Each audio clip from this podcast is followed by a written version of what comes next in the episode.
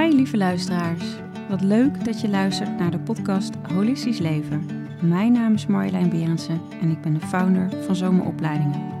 In deze podcast neem ik je samen met inspirerende experts mee in de wereld van holistisch leven. Wat ten grondslag ligt aan het hele verhaal waar we hiermee zitten, is natuurlijk het fenomeen dat wij zielsmatig allemaal verbonden zijn met elkaar. Ja. Uh, en dat het niet betekent dat als iemand fysiek uit beeld verdwijnt, dat dan ook het op is of zo. Hoi, welkom bij weer een nieuwe podcast van Holistisch Leven. En super dankbaar, je ziet me misschien ook wel stuiteren, want ik heb vandaag niemand minder dan Maarten Oversier in de podcast. En je ziet zijn boek al hier uh, naast mijn bestaansrecht. Jeetje, wat... Uh, nou, wat een reis was dit ook om, uh, om dit te lezen, om echt in je uh, familiesysteem, nou eigenlijk je familiegeschiedenis, je voorouderwerk uh, te duiken. Want Maarten is reïncarnatietherapeut, regressie wordt het ook wel genoemd, alles rondom karma, maar inmiddels ook groot rondom zijn boeken natuurlijk, maar ook als spreker en ja, een ontzettende wijze heer hier naast me en heel erg dankbaar dat je hier aanwezig bent. Nou, plezier om hier te zijn. Ja, Dank je voor je mooie introductie. ja. Nou, ik begin altijd, Maarten, met de eerste vraag. Uh, wat is holistisch leven voor jou? Dus daar wil ik ook mee starten. Wat is holistisch leven? Mijn god, dat is best wel lastig te definiëren. Want misschien is het wel um, leven zonder dat je daar al te veel mee bezig bent. Ja. Dat het zich, dat het zich vanzelf ontvouwt. Maar wat ik wel merk is dat ik het prettig vind dat ik, uh, wat ik geleerd heb in mijn praktijk en alles, dat ik het gewoon eigenlijk onbewust toepas en laat zijn in wat ik doe en wat ik laat en hoe ik mensen tegemoet treed en mezelf en dat in plaats van de, de programma's volgen. Ja, ja dat vooral. Je zijn. Buiten de gebaande paden zijn, zoveel mogelijk. Dat is misschien wel een goed antwoord. Ja, mooi. Ja, ja en, en dat was je misschien niet altijd. Even meenemen in jouw eigen reis tot aan waar je nu staat? Hoe... Nee, nee, er is wel een behoorlijk een beroep op gedaan om, om niet buiten de gebaande paden te gaan. Ja. Maar daar hadden ze wel toch een hele slechte aan mij. Dus ik ben eigenlijk van jongs af aan eigenlijk al wel heel erg daar zo gaan zoeken waar de meeste mensen niet zo snel naartoe gaan. Ja. En dat was ook een uh, ja, natuurlijke aantrekkingskracht. Ik had gewoon een innerlijke drive om over grenzen altijd te willen weten en snappen hoe dingen in elkaar staken. Ja. En ik ben bang dat dat eigenlijk altijd zo gebleven is. Het was niet altijd even makkelijk, maar... Nee, want, want dit, de interesse is hier ook wel doorgewekt rondom het overlijden van je vader. Dat klopt toch? Ja, zeker. Ja. ja. Dat beschrijf ik in het boek ook uh, met zoveel woorden. Maar nee, absoluut. Ik was natuurlijk heel jong en uh, dat ik daarmee te maken kreeg. Ja. En een kind die uh, neemt de dingen wel heel anders waar dan volwassen geprogrammeerde mensen, zullen we maar zeggen. Ja. Maar uh, ja, voor mij was het een aanleiding geweest om hem te gaan zoeken. Gewoon concreet. Van. Ik weet niet, ik, dat staat daar niet in, maar ik weet dat ik hem als jochie van vier nog in de klerenkast ben gaan zoeken, ja. omdat als een, als een pakker daar hingen en zo. Weet je dat ik dat voelde? Ja, zei je, ja, ja, dus staat het er wel in. Dus. Ja, voor mij staat het erin. Ja. Ja. ja, dat. Dus zo concreet is een kind bezig te zoeken waar zijn hart natuurlijk ligt. Ja. En um, terwijl een volwassene, nou ja, ik generaliseer een beetje, maar natuurlijk direct heeft, ja, hij is er niet, dus je kan daar ook niet gaan zoeken. Maar een kind heeft daar een dikke maling aan natuurlijk. Ja. Ja. Dus zo is het voor mij begonnen. En ik heb hem in die zin niet concreet teruggevonden, maar wat ik wel gezocht of gevonden heb, dat is samengevat onder andere wat er in dat boek staat. En ik denk zelfs dat als ik die zoektocht niet had ingezet, dan had ik deze weg ook niet gaan bewandelen. Dus zo heeft alles alweer, ieder nadeel heeft zijn voordeel. Ook nadeel heeft zijn voordeel. Ja. Nou, wat neem ons eens mee in de reis. Ik heb natuurlijk uh, nou flink uh, gelezen. Inmiddels staat deze dus ook als uh, verplicht op de boekenlijst bij ons als therapeut En ook een examenvragen die ze hierover moeten maken. Maar zonder dan gelijk die antwoorden daarop te geven, zonder dat ze de boeken hoeven te lezen. Maar waar gaat het voor jou over? Bestaansrecht. nou ja, kijk, als ik het gewoon bezie vanuit mijn praktijk. Um, Hè, dus dan, ik, ik heb natuurlijk heel veel sessies gedaan met mensen. Dan ga je natuurlijk overeenkomstige tendensen waarnemen na verloop van tijd. Waar mensen eigenlijk allemaal mee stoeien. Ongeacht hun kom af, ongeacht hoe gecompliceerd de problematieken zijn waar ze mee zitten enzovoort. Maar in de basis is alles terug te voeren naar de jacht op bestaansrecht. Het lijkt wel een soort handelswaar geworden eh, in deze tijd. En ehm, ja, dat is wat ik iedere keer opnieuw terugzag. In allerlei vormen, maten, geuren en kleuren.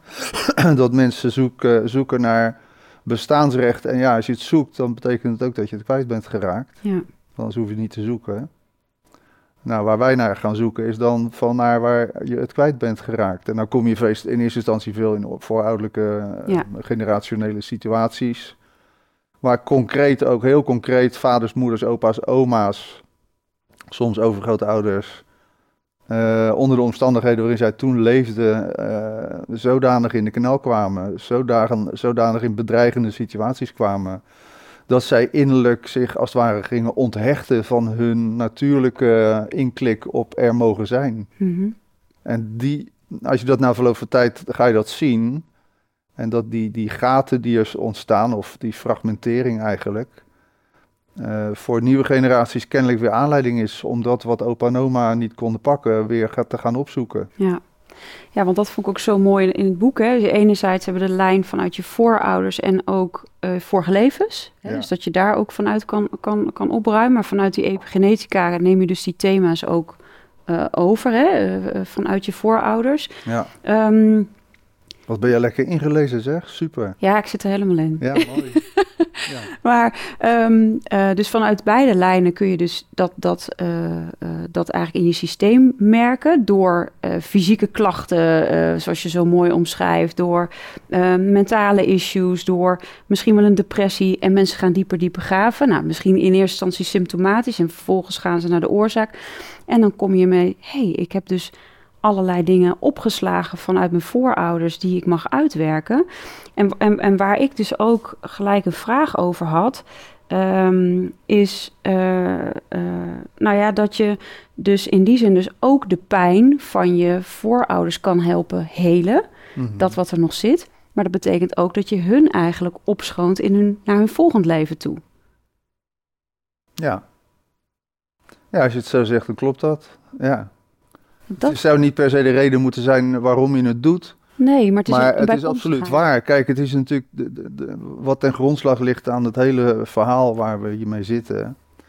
Is natuurlijk het fenomeen dat wij zielsmatig allemaal verbonden zijn met elkaar. Ja, Eh, en dat het niet betekent dat als iemand fysiek uit beeld verdwijnt, dat dan ook het op is of zo. Dan, Ja. dan, dan begint eh, de energetische uitwisseling eerder op andere lagen manifest te worden. Maar dit is eigenlijk super gewoon en het is super ongewoon dat wij dit eigenlijk nauwelijks meer herkennen of geïntegreerd hebben in de manier waarop we naar de wereld kijken of naar elkaar of naar zijn familie enzovoort. Dus dat is echt een fenomeen in de tijd waarin wij nu bestaan, dat we in een episode uithangen van de, van de ontwikkeling van de mensheid, waarin er zo weinig besef is over deze spirituele eh, logica, Ja. dat, dat, nou ja, kijk, het was er al, maar we hebben gewoon mensen nodig die het weer een beetje een vertaalslag kunnen geven. ja, En dan ga je inderdaad zien dat wat jouw ehm, voorouders, ik zeg altijd voor tussen aanhalingstekens voor en ouders, dus het begint bij je vader en moeder, wat zij gewoon niet konden ehm, integreren of verwerken of waar ze niet meer uit de voeten konden. En dan gaat het over fundamentele zaken. Dat er gewoon een soort natuurwet in werking gaat die ervoor zorgt dat de nieuwe generaties incarneren en die thematieken gewoon oppakken. ja, En het is niet zo'n random theorie zo van wat ga Nee. jij doen. Nee, het is gewoon een logisch gevolg van. En ja, een soort kringloop die constant naar vereffening en harmonisering eigenlijk op zoek gaat. ja, En zo werkt dat voor ons. Dus dat betekent dat jij eh, misschien de specifieke thema's van je grootmoeder oppakt, terwijl je broer of je zus die van eh, de andere kant van de familie oppakt. Het wordt, dat is divers, maar dat Ja. klopt, dat klopt zeker. het werk je dat ook weer allemaal uit. En we doen het niet per se voor hun, het is meer een logisch gevolg van. Juist, Alleen wat wij zelf oplossen, inderdaad, in hun naam als het ware, eh, genereert weer eh, een nieuwe flow van levenskracht die dan door onze stamboom eh, op gang Ja. gebracht wordt en waar we ons prettig bij voelen. En ook wat ik dan dus niet doorgeef aan mijn dochter, Ja, als ik het opruim. dat klopt zeker. Het is alleen hier belangrijk te, te benadrukken is dat je het niet voor je dochter moet doen. Nee, uiteraard. Het is een gevolg van, Ja. absoluut. Ja, absoluut. nee, en ook andersom hoor. Ik bedoel, beide Ja, kanten nee, op. maar dan is het helemaal zo. Nee, ik wil even zeggen, sommige Ja. mensen die zijn geneigd het voor hun kinderen te willen doen, maar Als je het zelf pakt, is het gevolg dat zij daar de vruchten van plukken. Veel, ja. En ook Ja. veel diepgaander, omdat Precies. het echt intrinsiek gaat over je eigen bestaansrecht. Ja, absoluut. ja. Zeker. En super mooi ook, wat, wat in het boek ook naar voren komt, eh, hè, dat we die trauma's allemaal niet voor niets hebben. Hè? Dus we, je hebt het ook over de, de karma. En, en wat ik ook heel fijn vind, is dat je heel oordeelvrij naar allerlei thema's kijkt. Rondom de kerk, rondom oorlog, rondom eigenlijk alles wat zich zo in al die jaren heeft afgespeeld. Ehm, maar ook heel erg gaat, hé, maar dit, die bagage heb je niet voor niets. Je zit, de ene keer zit je, zit je helemaal links van het spectrum, en de andere keer helemaal rechts. Dus aan beide kanten. Om uiteindelijk eigenlijk in essentie weer helemaal thuis te Ja, komen in jezelf. Ja, nee, ja, dat is prachtig. Zo, zo, zo werkt het. Dat we beide kanten van de medaille te, te facen hebben en te doorleven. Ja, En meestal om te ontdekken dat, dat al die extremen aan de ene kant en de extremen aan de andere kant je niet gelukkig maakt om uiteindelijk weer ergens in het midden uit te komen. Ja, het onbewust bekwaam eh, stukje Ja, dan. precies. Ja. Ja. Ja. Ja, misschien gaan we mensen denken, waar hebben ze het allemaal over? Eh, misschien even mooi om eh, eh, het begin, hè? want ehm, ze hebben het ook wel erg, echt over de, de theorie met, ja, weet je, de, de, de- hoe, hoe je hier op aarde bent gekomen.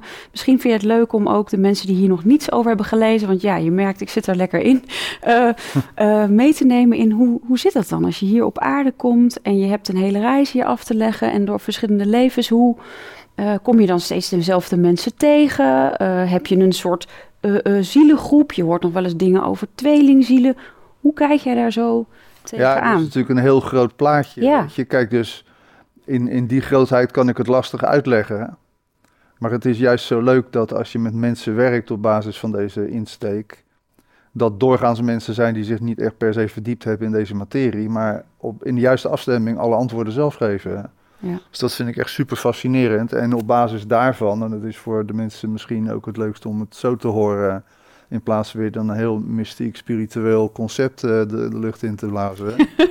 Oké, mee eens. dat, nou ja, dat, dat eh, het eh, wel zo is dat wanneer iemand een- aan een leven begint, een aards leven, dat daar een heel traject aan vooraf gaat. Het is voor heel veel mensen al heel veel nieuws. Hè? Ja, Dus ik kan dat alleen maar in die bewuste termen ziel eh, ehm, uitdrukken. Dus de ziel heeft natuurlijk al een bepaald bewustzijn voordat de ziel besluit naar een aards leven te gaan. Nou ja, dan kan je het beste naar je huidig leven kijken, want we hebben er een heleboel gehad, maar dat is nog wel even de makkelijkste referentie. precies.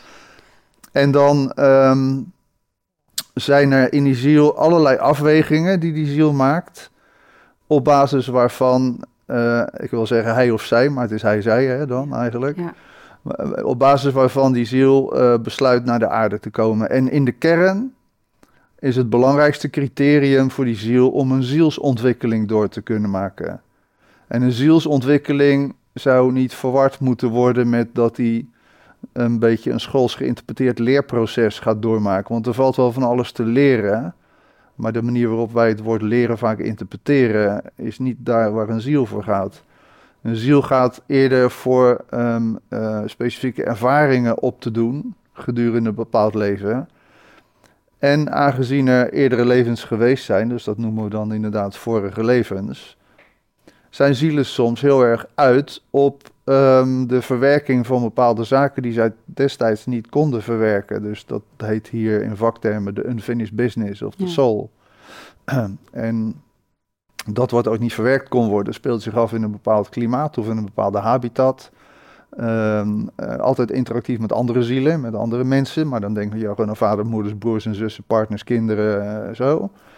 Ehm, en dan kan je zeggen dat via een, een of ander eh, kosmisch arrangement, wat ik in mijn hoofd niet kan eh, begrijpen, hoeft ook niet per se, eh, zo'n ziel aan het leven begint en daarvoor dus een vader en een moeder in eerste instantie nodig heeft. Vanzelfsprekend die het met elkaar, elkaar doen. En dat is ook interessant om eens bij stil te staan. Hè? Dus het met elkaar doen, het is dan de seksuele ervaring die wij nodig hebben om aan een nieuw leven te beginnen. Dat is een menselijke ervaring die nog een ongelooflijk hoog, groot eenheidsgevoel Ja. In zich draagt. Hè? De, de intimiteit. En zelfs als het, een, als het een conceptie is die niet onder al te prettige omstandigheden gebeurt, Is het nog steeds dan nog, vooral in en rond het orgasme van vooral de man, man? Ja. is het, eh, is het een soort eenheidservaring die zo'n ziel, die uit de eenheid komt, naar de tweedelige wereld te brengen. Ja. Dat is heel bijzonder is dat. Ja, ja, En dat die screening als het ware die die ziel maakt voordat hij aan zo'n afdaling begint, want het wordt meestal inderdaad als een, als een afdaling Ja. ehm, ervaren, dat die screening eruit bestaat dat hij zijn toekomstige vader en moeder ehm, in, in mijn uitleg eh screent op basis van levensthema's, eh, achtergrond. eh, je noemde net al epigenetica, eh, de, de, de codering van, van het DNA. Welke thema's en aanleg voor dit of dat ligt daarin opgesloten. Het zelfbeeld, het beeld wat hij van zijn partner heeft, wat hij van de wereld heeft, weet ik veel. Eh, maar ook de talenten en, en, en, en alle vooruitstrevende dingen, de kwaliteiten enzovoort. En dat iedere ehm, nou, coming together, WIP op zijn Rotterdams, Mhm. eh, een, specifieke, een specifieke kenmerk heeft, een specifieke blauwdruk, die op maandag anders is dan op dinsdag, of in 1962 anders is dan in 1978. Ja. En dat op basis van allerlei ehm, afwegingen die ziel dus besluit daar terecht te komen. En vervolgens in een familiesysteem binnenwandelt. Dat begint eigenlijk al vanaf de celdeling. Hè? Mhm.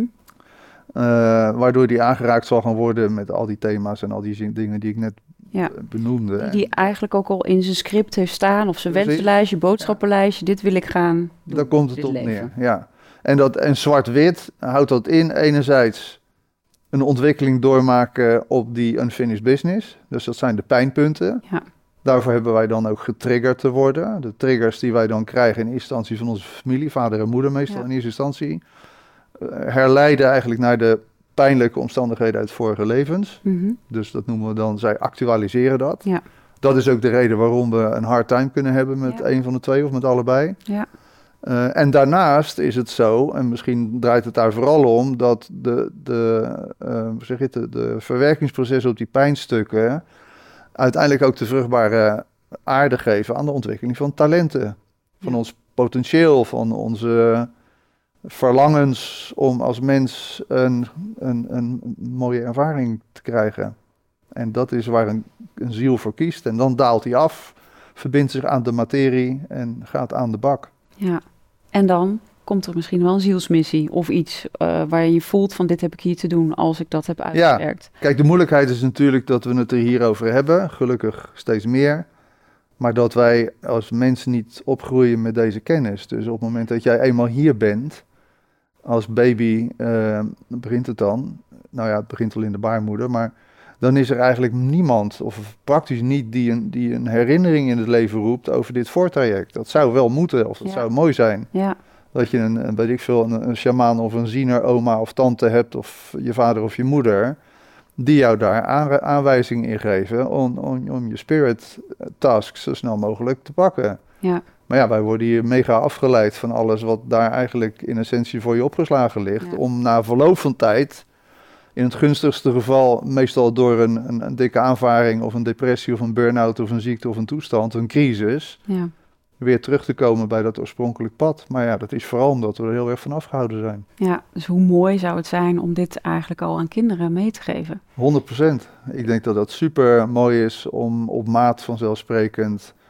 Eh, Ja. eh, ik, ik noem het altijd voorouderlijk besef. Ja. Hè, om voorouderlijk besef over te dragen aan die kinderen. En dat is in feite wat ze belangrijk vinden, die kids. Hè? Want dat is wat echt, waar het echt... Be ik weet nog, voordat mijn dochter Maya was geboren, toen kwam zij al bij me, stond ze naast mijn bed. Dus ze was nog niet geboren, ze was nog niet... eh, eh, en toen zei ze, stond ze naast mijn bed, eh, echt als een verschijning. En toen zei ze, hoi, mijn naam is Maya en jij wordt straks mijn mama. En daar hebben we dus gesprekken gehad. Ja. En op een gegeven moment ook, nou ja, toen ze eenmaal geboren was, maar later was zij dus ook nog bewust. Dus toen ze vier was, zei ze op een gegeven moment, maar in een ander leven was ik jouw mama.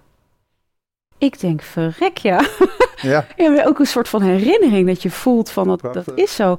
Maar je kiest elkaar dus ook uit. Ik kan me voorstellen dat ook veel mensen die je, hè, eh, noem het maar even, dat je elkaar tegenkomt. Net zoals dat nou, jij op mijn pad kwam of ik op jou. Nou, in ieder geval, ik, ik zag je. Ik denk, oh, maar ik ken jou. Dat je dus ook sommige vriendschappen of mensen in je omgeving hebt van, maar hier, die heb ik vaker mee te maken gehad. Hoe zie je dat? ja, nou ja, het is natuurlijk, eh, zo, zo werkt het ook. Kijk, en, en de uitwisseling tussen jou en je dochter is prachtig, maar de meeste mensen die ervaren het niet echt zo. Hè? De meeste kinderen, die willen aan hun vader en moeder ook eh, laten weten dat ze er weer zijn met het bijbehorende verhaal. Ja, Maar die vangen natuurlijk nat. Die, die, gaan, die, die, die, die, krijgen die, die respons niet, waardoor ze gaan vereenzamen in Ja. hun kindstukken. En dat is best, eh, dat is eigenlijk de vereenzaming in die kindstukken en de onthechting. En dat je niet die referentie eigenlijk meekrijgt van huis uit waarnaar gezocht wordt. Overigens hadden je ouders dat thuis ook niet, over het algemeen. Dus ze weten ook niet precies hoe het moet. nee, Maar dat is wel het begin van een traject van ervaringen die over het algemeen pijnlijk zijn. Hè? ja, Dat, maar goed, ehm, ja, en zoals ik al aangaf, ik heb natuurlijk wel ontdekt dat mensen elkaar ontmoeten in een huidig leven en zich aangetrokken voelen tot elkaar of tegenovergestelde. En dat dat allemaal refereert aan eerdere ervaringen waar diezelfde zielen clashes hadden of, of samenwerkingsverbanden of eh, relaties, eh, noem het maar op.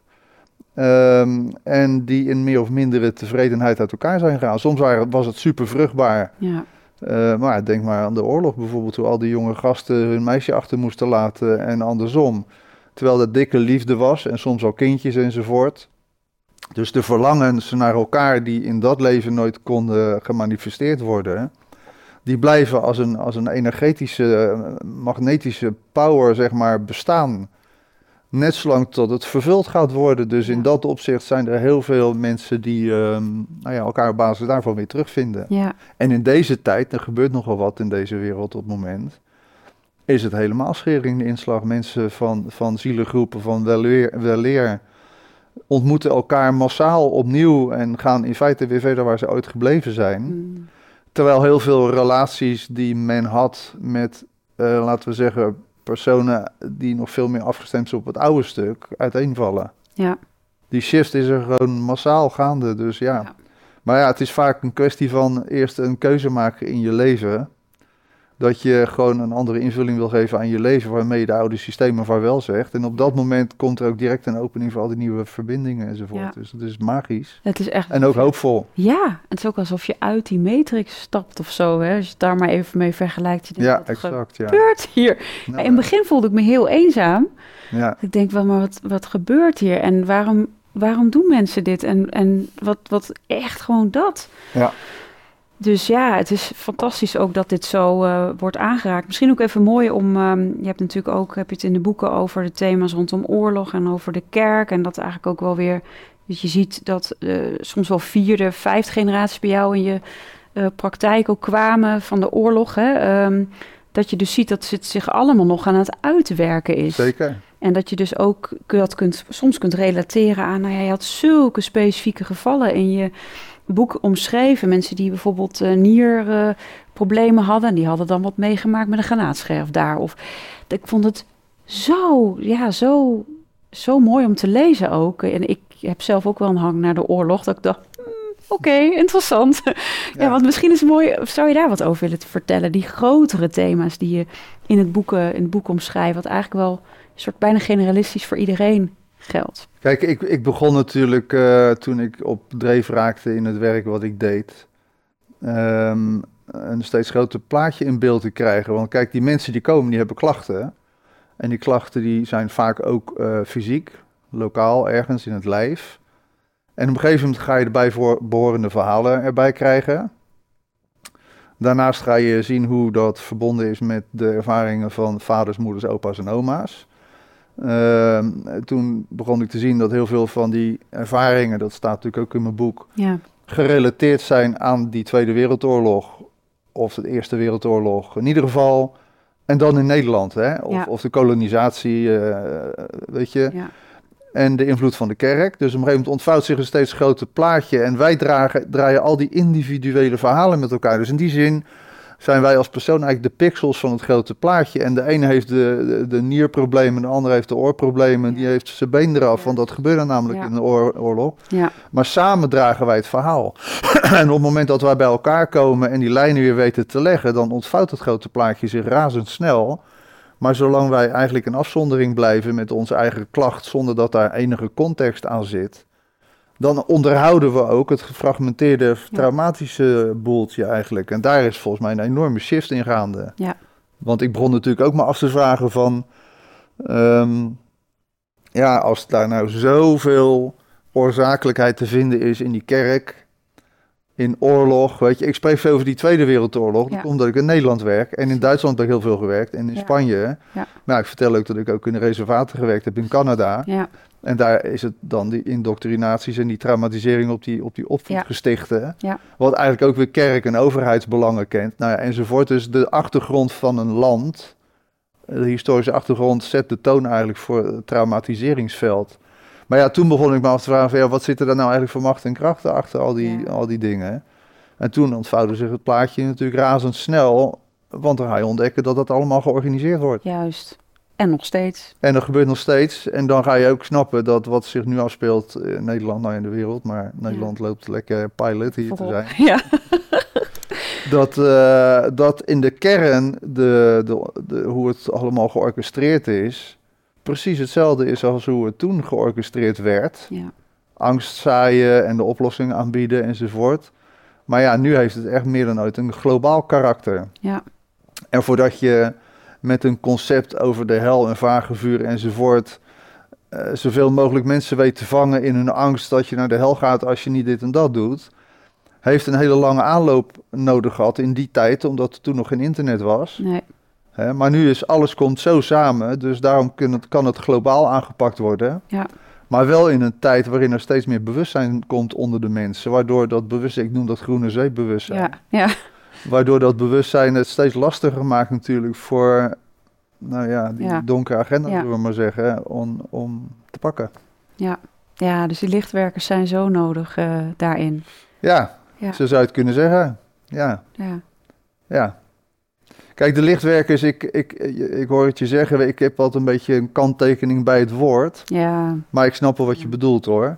Het gaat er natuurlijk gewoon om dat wanneer jij eh, tot een punt komt dat je je afvraagt waarom de dingen gebeuren zoals ze gebeuren, in je eigen leven, in je eigen omgeving, maar ook in de wereld, dat in feite de voorbode is van een kentering in jouw, in jouw, in jouw Ja. bewustzijnslaag, die er absoluut voor gaat zorgen dat je de dingen in een groter perspectief Ja. gaat zien. Ja.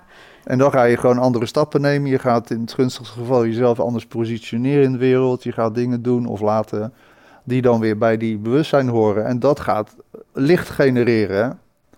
Maar goed, ja, Ja. het is wel belangrijk dat het genereren van het licht inhoudt dat je af en toe afdaalt naar waar het niet licht is. Hè? En dat had je ook zo'n mooie, dat een mooi artikel was het, of het was een lezing wat je gaf over juist die lage, ga lekker verlaag je trilling. Ja, verlaag je trilling. Nou, ja, dat zie ik, ja, maar dat zie ik ook als lichtwerker. Hè? Want dat, Ja, dit concept lichtwerken lijkt iedereen, oh joepie-achtig feestje, verhoog je trilling, blijf je niet manifesteren. Nee, ga je, kijk je Ja. shit aan. Ja, ja, je, je snapt hem hoor. Ja, ja, Ja, voor sommige mensen is het een beetje een soort oor, oor, oor, eh, Ja. reactie. ja.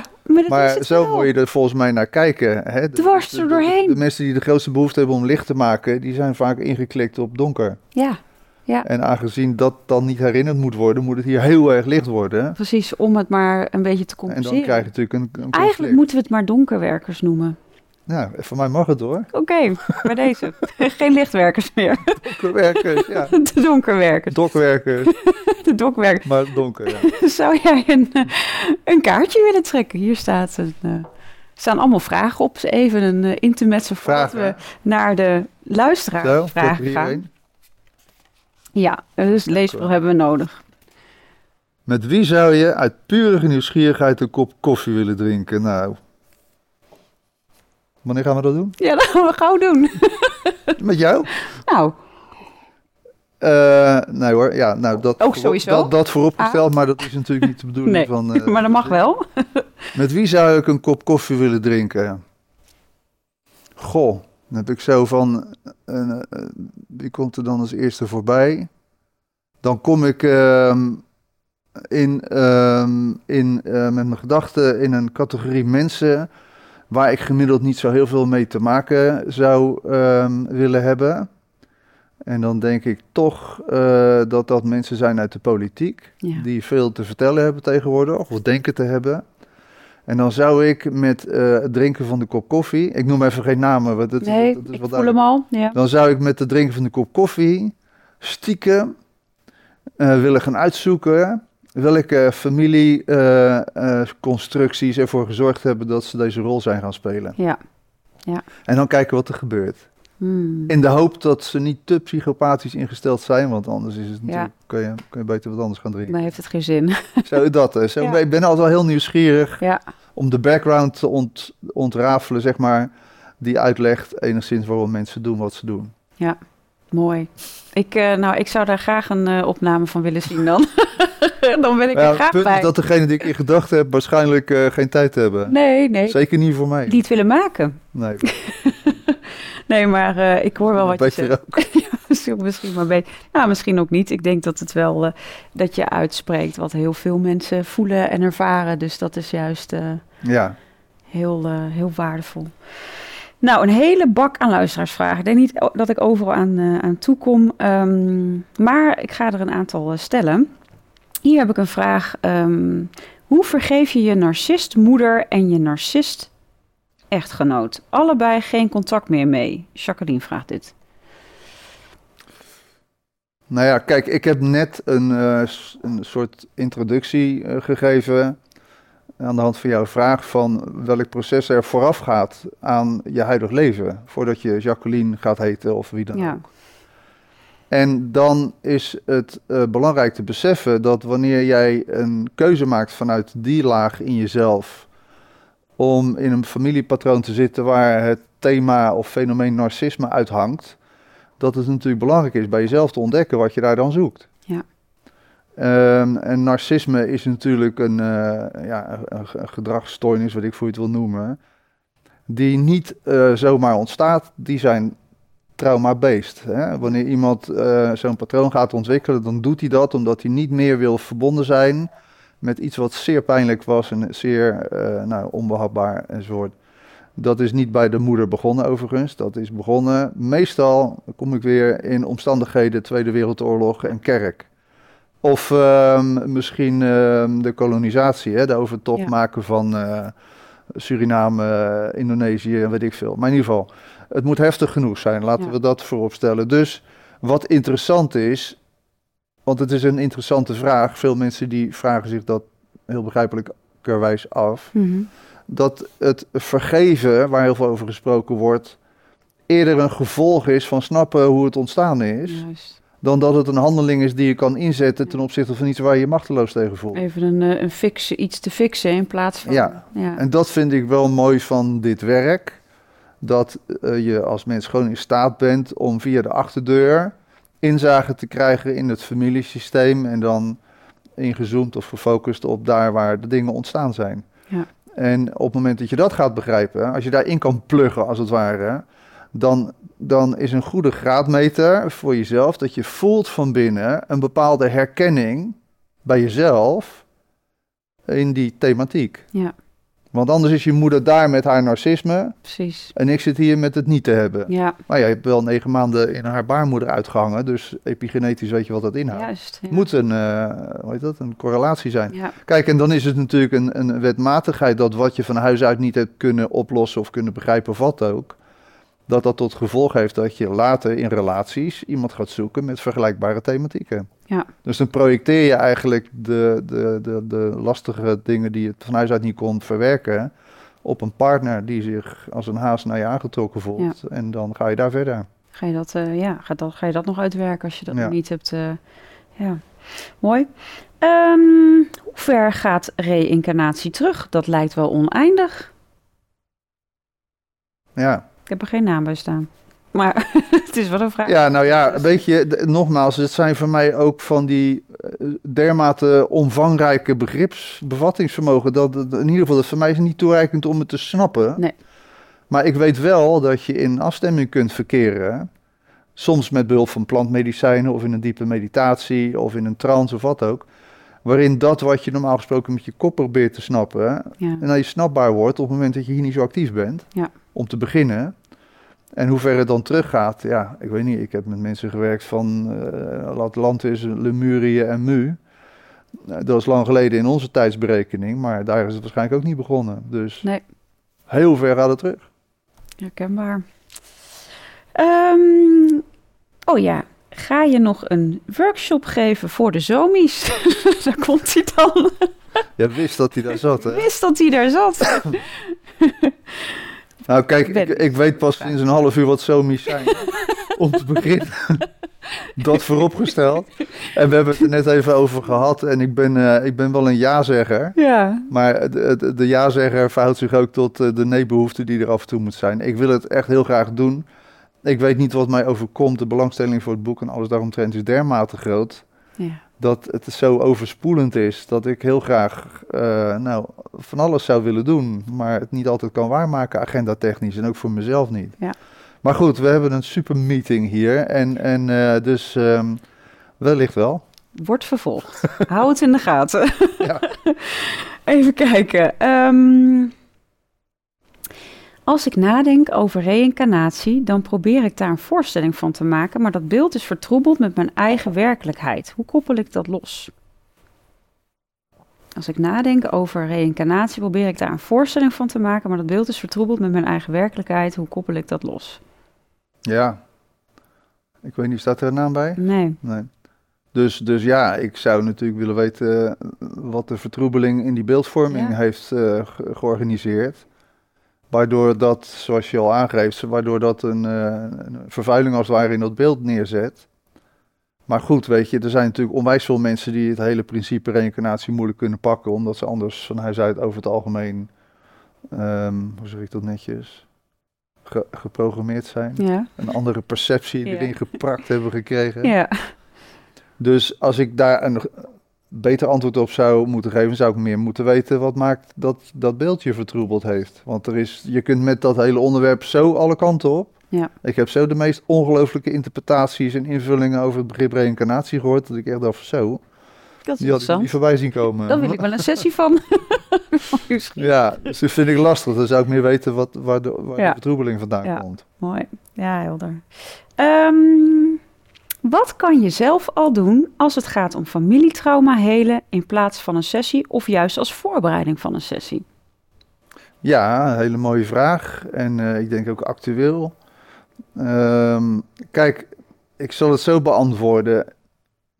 Ik heb natuurlijk al een tijdje door dat het relevant is in een therapeutisch proces om meer te weten te komen over je voorouders, de biografie dus. En eh, ik stel altijd vragen over die biografie, meestal een intakegesprek dan. Hè. Dus en ik ga proberen al de lijnen te leggen met de klachten die er zijn, nu actueel. Met situaties uit voorouderlijke lijnen. Nou, gemiddeld genomen weten mensen veel te weinig van hun familie. Ja. Dat is echt ongelooflijk. Er zijn erbij die soms niet eens weten hoeveel broers en zussen hun eigen vader of moeder hebben. Moet je Ja. nagaan. Ja. Eh, laat staan opa en oma. Ja. En ik, ben, ik ben heel blij met die vraag, want er zijn mensen die hier naar gaan kijken, begrijp ik. Ja. Weet je, we lijden, en dat is misschien wel zowel met een kort als een lange ei, aan een soort chronische passiviteit. We zijn een soort gewoon gezapig geworden. Ja. Onze kinderlijke nieuwsgierigheid is de kop ingedrukt, ook door allerlei omstandigheden die zij als kind opliepen. Waardoor de, de, de weetgierigheid naar waar jij vandaan komt, dat, dat intrinsieke nieuwsgierig is een kind die wil weten. Ik zei het laatst, laatst van, als, als, als je tegen een kind zegt dat er in deze ruimte een aardbei verstopt ligt, Ja. ja, dan gaan de volwassenen eh, nou rondkijken en naar een koffie drinken. Terwijl het kind echt gewoon niet zal rusten tot. Ja. En dat is een redelijke metafoor. Op het moment dat er een spannend verhaal of iets belangrijks is wat te ontdekken is in een familiesysteem, dan zou het zo aangevlogen moeten worden. Niet per se voor kinderen. Dat het onwijs belangrijk is je nieuwsgierigheid te activeren om meer te weten te komen. Vooral over die zaken in een familie waar niet over gesproken wordt. Ja. Of werd. Ja. Of vooral waar mensen geneigd zijn, want dat gebeurt nog alles, he- in ik weet het niet te verstranden. Ja. Ik weet het niet, er zegt zo'n oerdooddoener, waar ik allergisch voor geworden ben als therapeut, Ja. ehm, die eh, zoiets het weer teruglegt. Dus om op je verhaal of eh, vraag terug te komen, ga actief zelf, bij voorkeur met een goede vriend of vriendin of een partner of je broer of je zus, als je daar fijn mee bent, op zoek. Ik noem dat de landkaart van je familie uitrollen. En ga vooral in die hoeken speuren, met een zaklampje of zo, waarvan jij wel aanvoelt dat daar niet over gesproken moet worden, Ja. waar de schaamte en de schande zit en de schuld en de mist en de geheimen en weet ik wat allemaal. Zo, dat is wat je kan doen. En het is niet alleen dat je daarmee ehm, zeg maar mentaal informatie inwint, dat ook. Maar wat je in feite doet, als je aandacht in dat veld gaat sturen, is dat je daarmee de energie van het hele familiesysteem in beweging gaat brengen. Ja. De levenskracht die vaak opgeslagen, opgesloten is geraakt, die ga je impulsen geven, die gaan, beweging, uh, die gaan de beweging inzetten. En die beweging die zorgt ervoor dat je misschien niet op dat moment zelf het antwoord krijgt, maar dan dus wel, weet ik veel, een etmaal later of tijdens een sessie die je met iemand hebt afgesproken.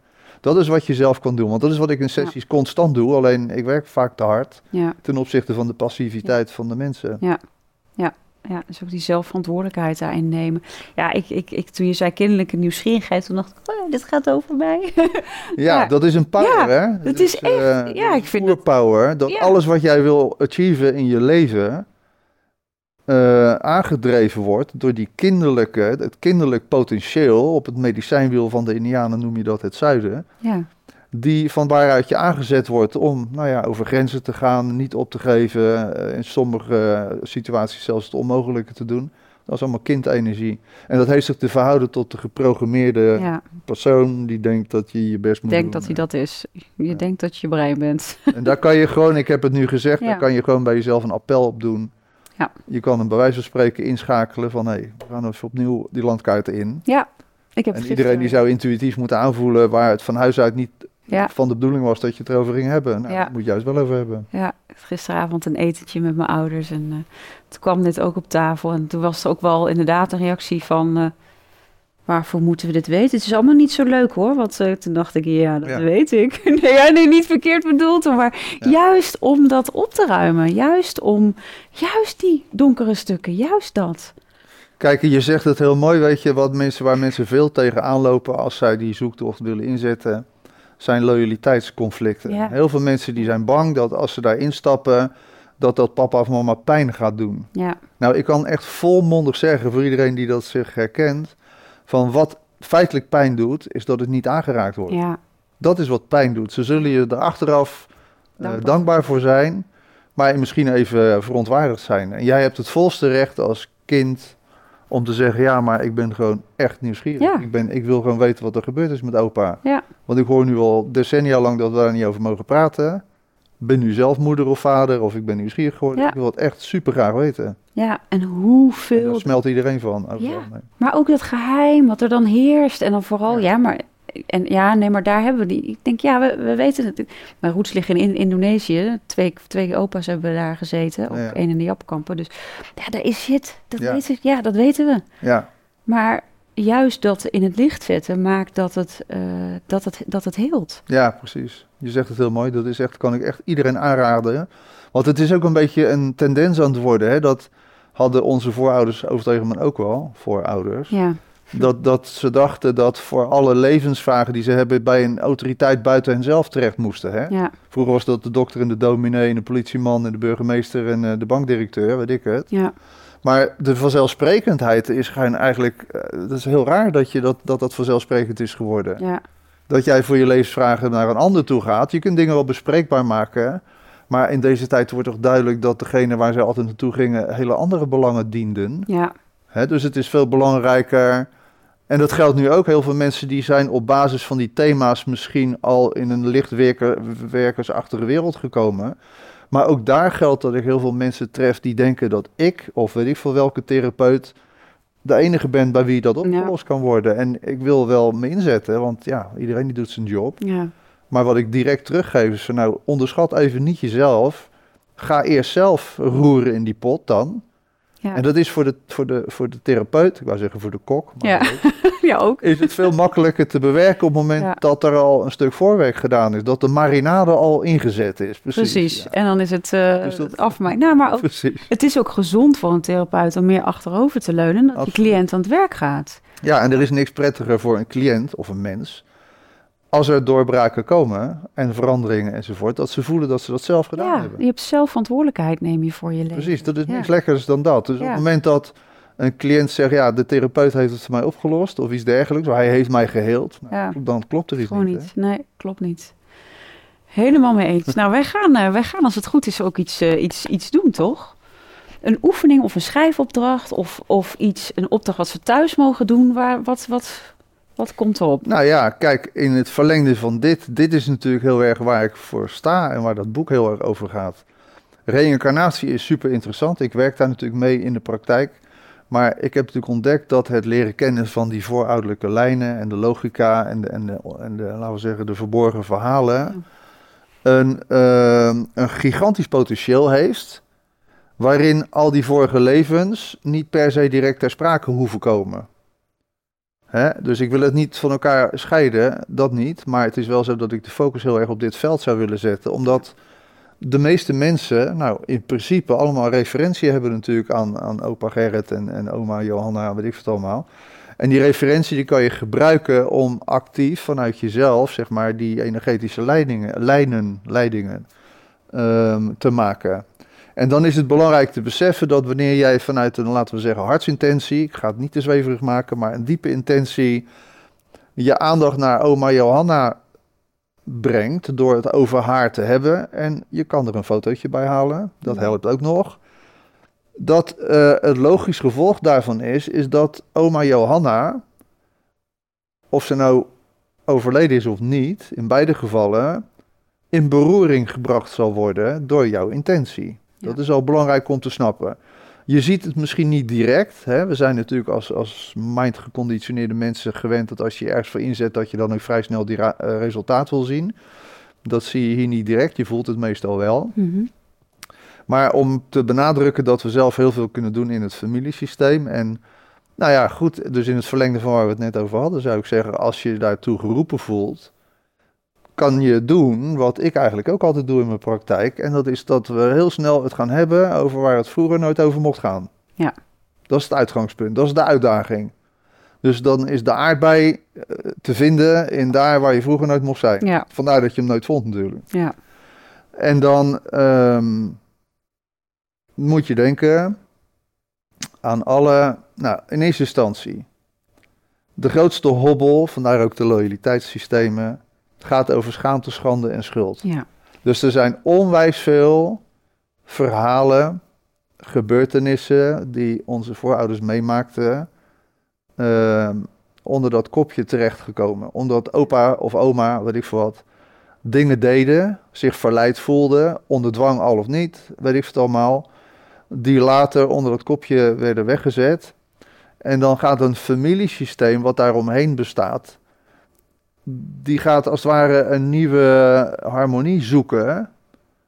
Omdat de pijn van wat daar niet over gesproken mocht worden, een soort inslag doet. En, en hoe zeg je dat? Een scheur gaat anders verzorgen. Dus die gaan, een, die gaan een nieuwe harmonie creëren, maar dat is altijd een geforceerde harmonie. Ja.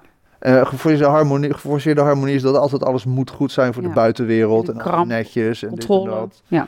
Ja, dan krijg je controle enzovoort. Dus je moet weten dat er heel veel van die voorwaardelijke gebeurtenissen onder die kopjes zijn weggezet. Mhm. En dan moet je wel eh, erop eh, voorbereid zijn dat dat best wel, nou best wel, het zijn pijnlijke verhalen. Het gaat over seksueel misbruik, Ja.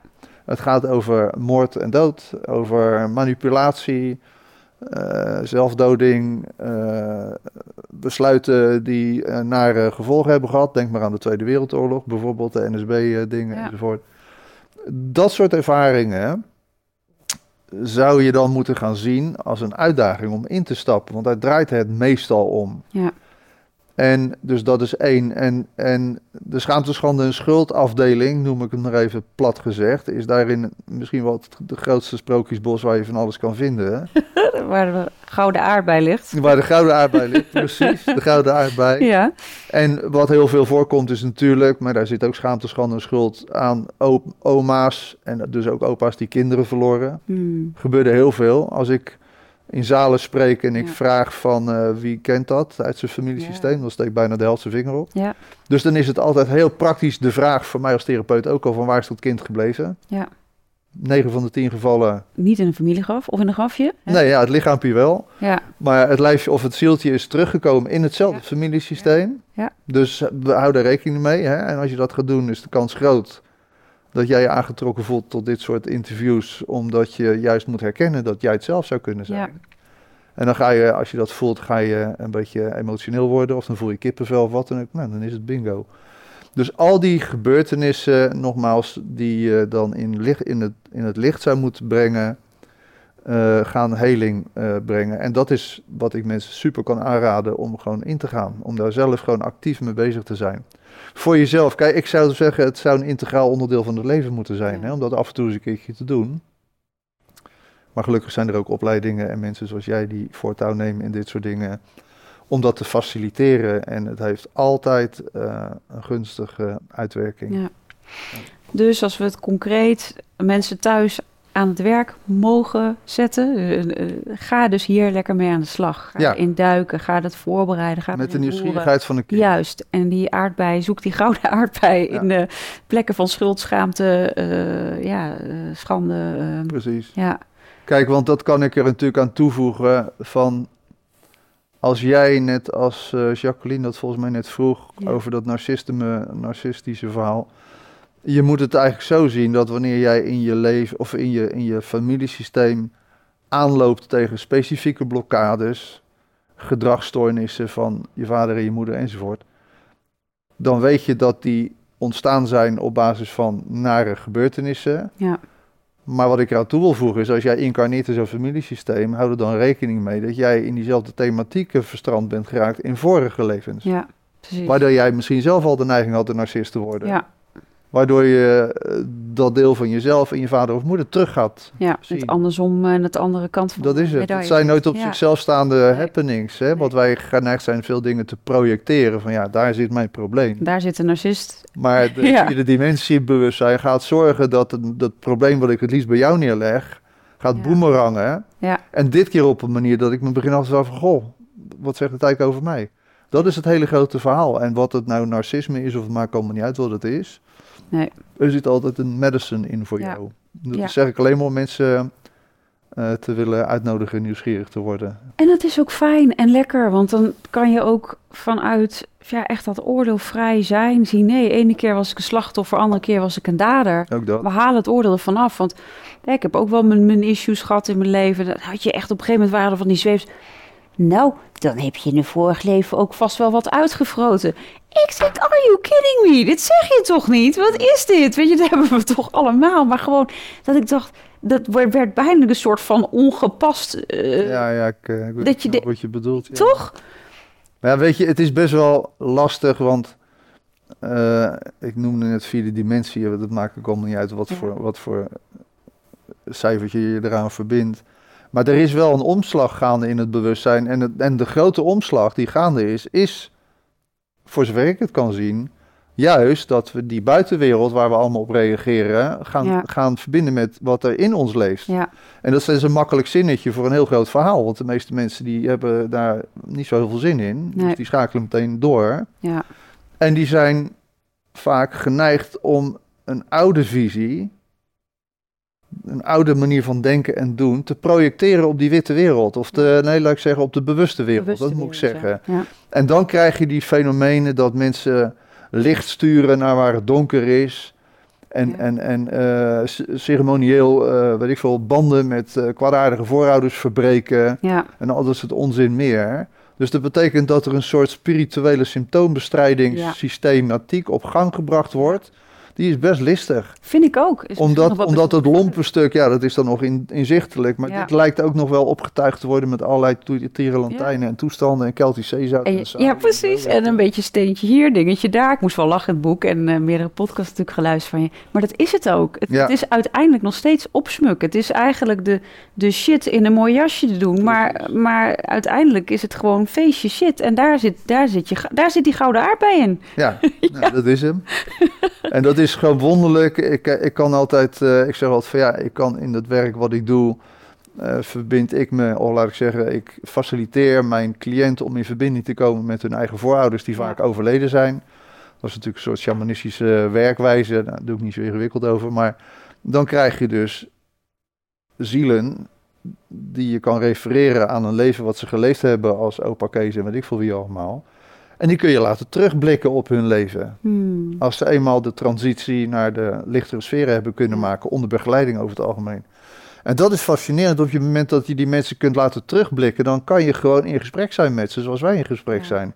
Ja. Ja, moet, meestal moet, moet ik wat langzamer praten met ze, want het is allemaal een beetje lobbig daar. Maar, Ja. Ja. maar dan kijken ze dus terug en dan gaan zij jou dingen zeggen over hoe zij het toen beleefden. En dat is ronduit, eh, nou niet shocking, maar eh, touching. Enorm Ja. touching. Ja. Want dan gaat een, een klein kind, of soms een kind van, ineens besef van jeetje, dus zo zat mijn pa in elkaar. Of zo, dit was wat er werkelijk leefde bij oma. En dat is echt zo, het is prachtig, zo zit het in elkaar. Maar het is, als ik dat nu alvast zeg, voor de mensen die kijken, en Ja. ik zeg het ook altijd in de, in de zalen waar ik praat en zo, weet dan dat ze je op zielsniveau dankbaar zullen zijn. Ja. Ja, ik Raakt je? het hele systeem. Ja. Ja.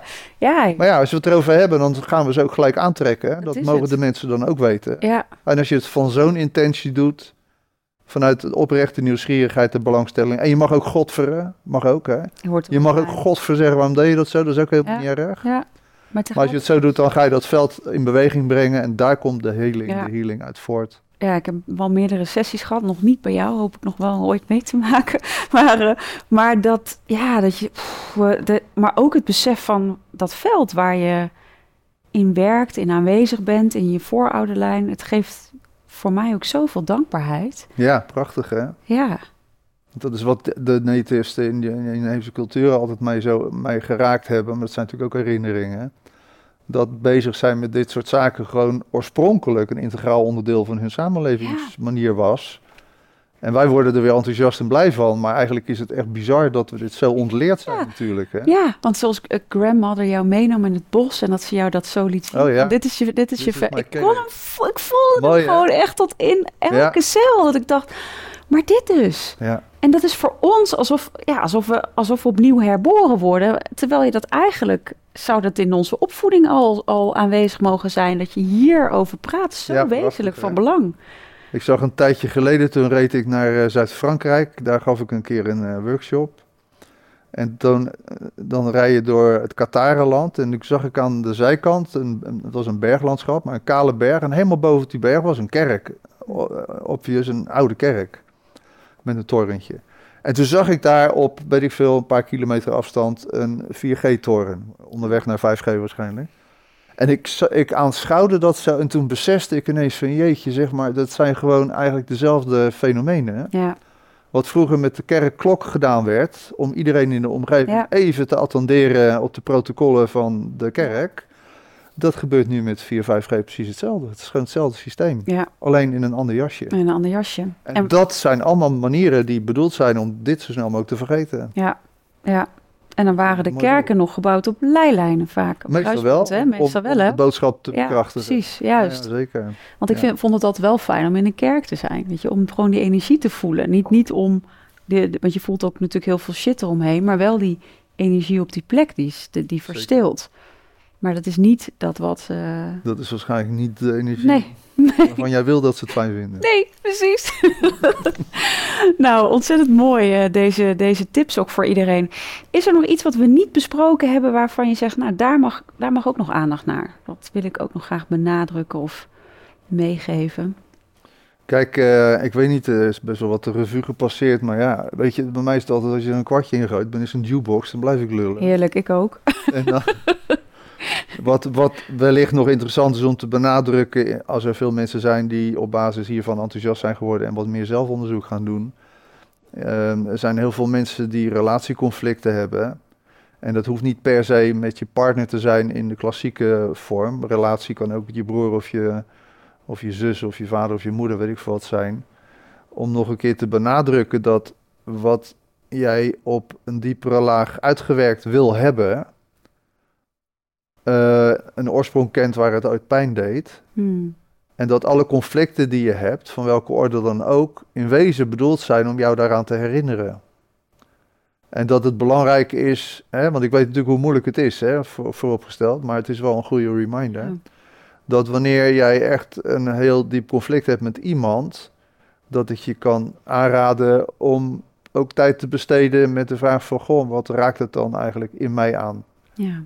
Ik weet dat het klassiek is en het is misschien cliché en zo, maar toch is het goed om het nog een keer te benadrukken, want er zijn heel veel mensen die proberen zich te onthechten van alle pijn eh, eh, dingen of familiesystemen of wat ook door in een andere vibratie te gaan Ja. zijn de hele tijd.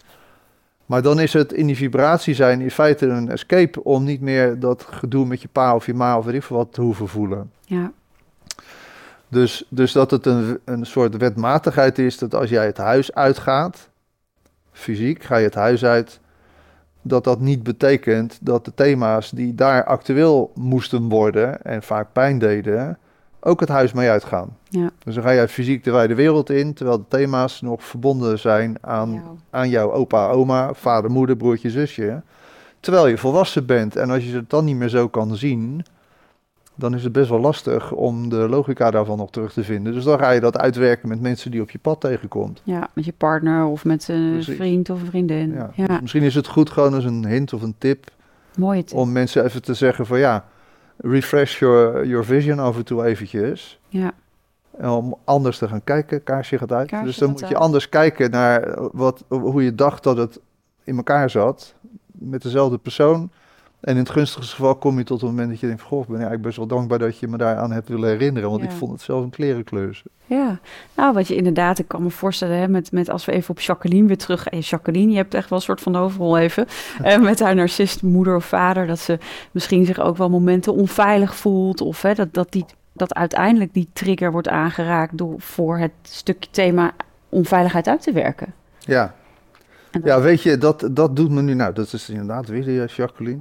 Weet je, kijk, het is belangrijk. We hebben altijd ideeën over dingen. Narcisme komt van narcissus. Hè? Dus Ja. dat zijn mensen die zichzelf gewoon onwijs overschatten. Maar weet je, het punt is als iemand geneigd is zichzelf heel erg te overschatten. Dan is dat het gevolg van een totale onderschatting. Dus Ja. het is belangrijk met al die vraagstukken iedere keer het tegenovergestelde op te vragen. In plaats van te blijven hangen in het beeld Dat dat eenmaal bekend is. Juist. Hè? Er wordt onwijs over de psychopaten gepraat en de narcisten en de borderliners en Ja. de dit is en de dat is en zo. En dat begrijp ik allemaal. Maar als je kunt zien dat al die zaken termen zijn voor gedragsstructuren. Het is overigens ook gewoon fysiek. Alles wat je kan mankeren zijn allemaal termen voor. Maar dat het allemaal systemen zijn die een, een eh, overlevingsstrategie inhouden. Ja. Dus als therapeut kan ik heel snel, of kan ik vragen van wat is nou het voordeel van narcisten zijn? Wat is nou het voordeel van depressie? Wat is nou het voordeel van haat? Het voordeel van dit, dat en zo. En de meeste mensen hebben een voordeel. Dus Zo'n voordeel, ja. Voordeel. Nee, maar als je er zo naar kan kijken, dan zie je dat het allemaal systemen zijn die jou weg moeten houden bij iets wat pijn deed. Ja. En als je dan een klein beetje common sense hebt, dan kan je vrij snel op basis van iemands levensloop en wat zich daar heeft afgespeeld, ontdekken wat zich daar heeft afgespeeld, waar dat gedrag uit voort moest komen. Ja. Nou, volgens mij heb ik heel veel verteld. Ja, het is echt het allemaal afdekken van. En dat zijn de grootste patronen, maar uiteindelijk zit daar zoveel pijn onder. Ja, Precies. ja Ja. mooi. Nou, ontzettend eh, dankbaar. Mensen kunnen bij jou natuurlijk ook de opleiding volgen, vooral de therapeuten. Dus ook mensen die bij zomaar nu de opleiding volgen, kunnen ook nog een eh, mooie vervolgopleiding bij jou volgen. ja, nou ja, ik Dikke wachtlijsten. dat ze wat dik vol zitten. ik zag het. Maar ja, dat is natuurlijk een beetje... Ja, eh, Ik kan alleen maar zeggen voor alle potentiële therapeuten en hoe noem je ze? Zo- Zoomies? Somies. Somies, ja. Van eh, als je een goede job wil eh, in deze tijd en je wil bevredigend werk doen enzovoort, er is een gigantische markt. Het vraag Ja. is veel, veel groter dan het aanbod. ja, ja, dit zit dus als onderdeel ook van de opleiding, maar ze kunnen dan specialiseren hierop. Ja, Ja. dat is fantastisch, want er is zo... En, en denk eraan hè, dat er heel veel mensen zijn die in de inquisitie op de brandstapel kwamen voor dezelfde verlangens. Hè? De zomies van toen, ja, of de zomies van nu, dat Ja. zijn de heksen van toen. ja, En de kruidenvrouwtjes en de allemaal. En ze willen allemaal hun natuurlijk medicine leven. ja, In deze tijd met name. ja. Dus eh, om je even een hart onder de riem te steken. Daar hebben we het ook vaker over hoor. En dat is zeg maar, weet je, we hebben een onderdeel van de opleiding dat ze Reiki Master worden. Ga maar in dat licht staan. Dat je, ik voel bij zoveel mensen voel je die brandstapelangst weer opkomen. En echt weer van, maar als ik nu, als ik nu echt in dat licht ga staan, dan kost, kost het mijn hoofd. Dat heb Ja. ik ook gehad hoor, eerlijk is eerlijk. Dat ik dacht, ja, ik, ik durf het niet. En elke keer weer, Ja. hè, weer een stukje verder.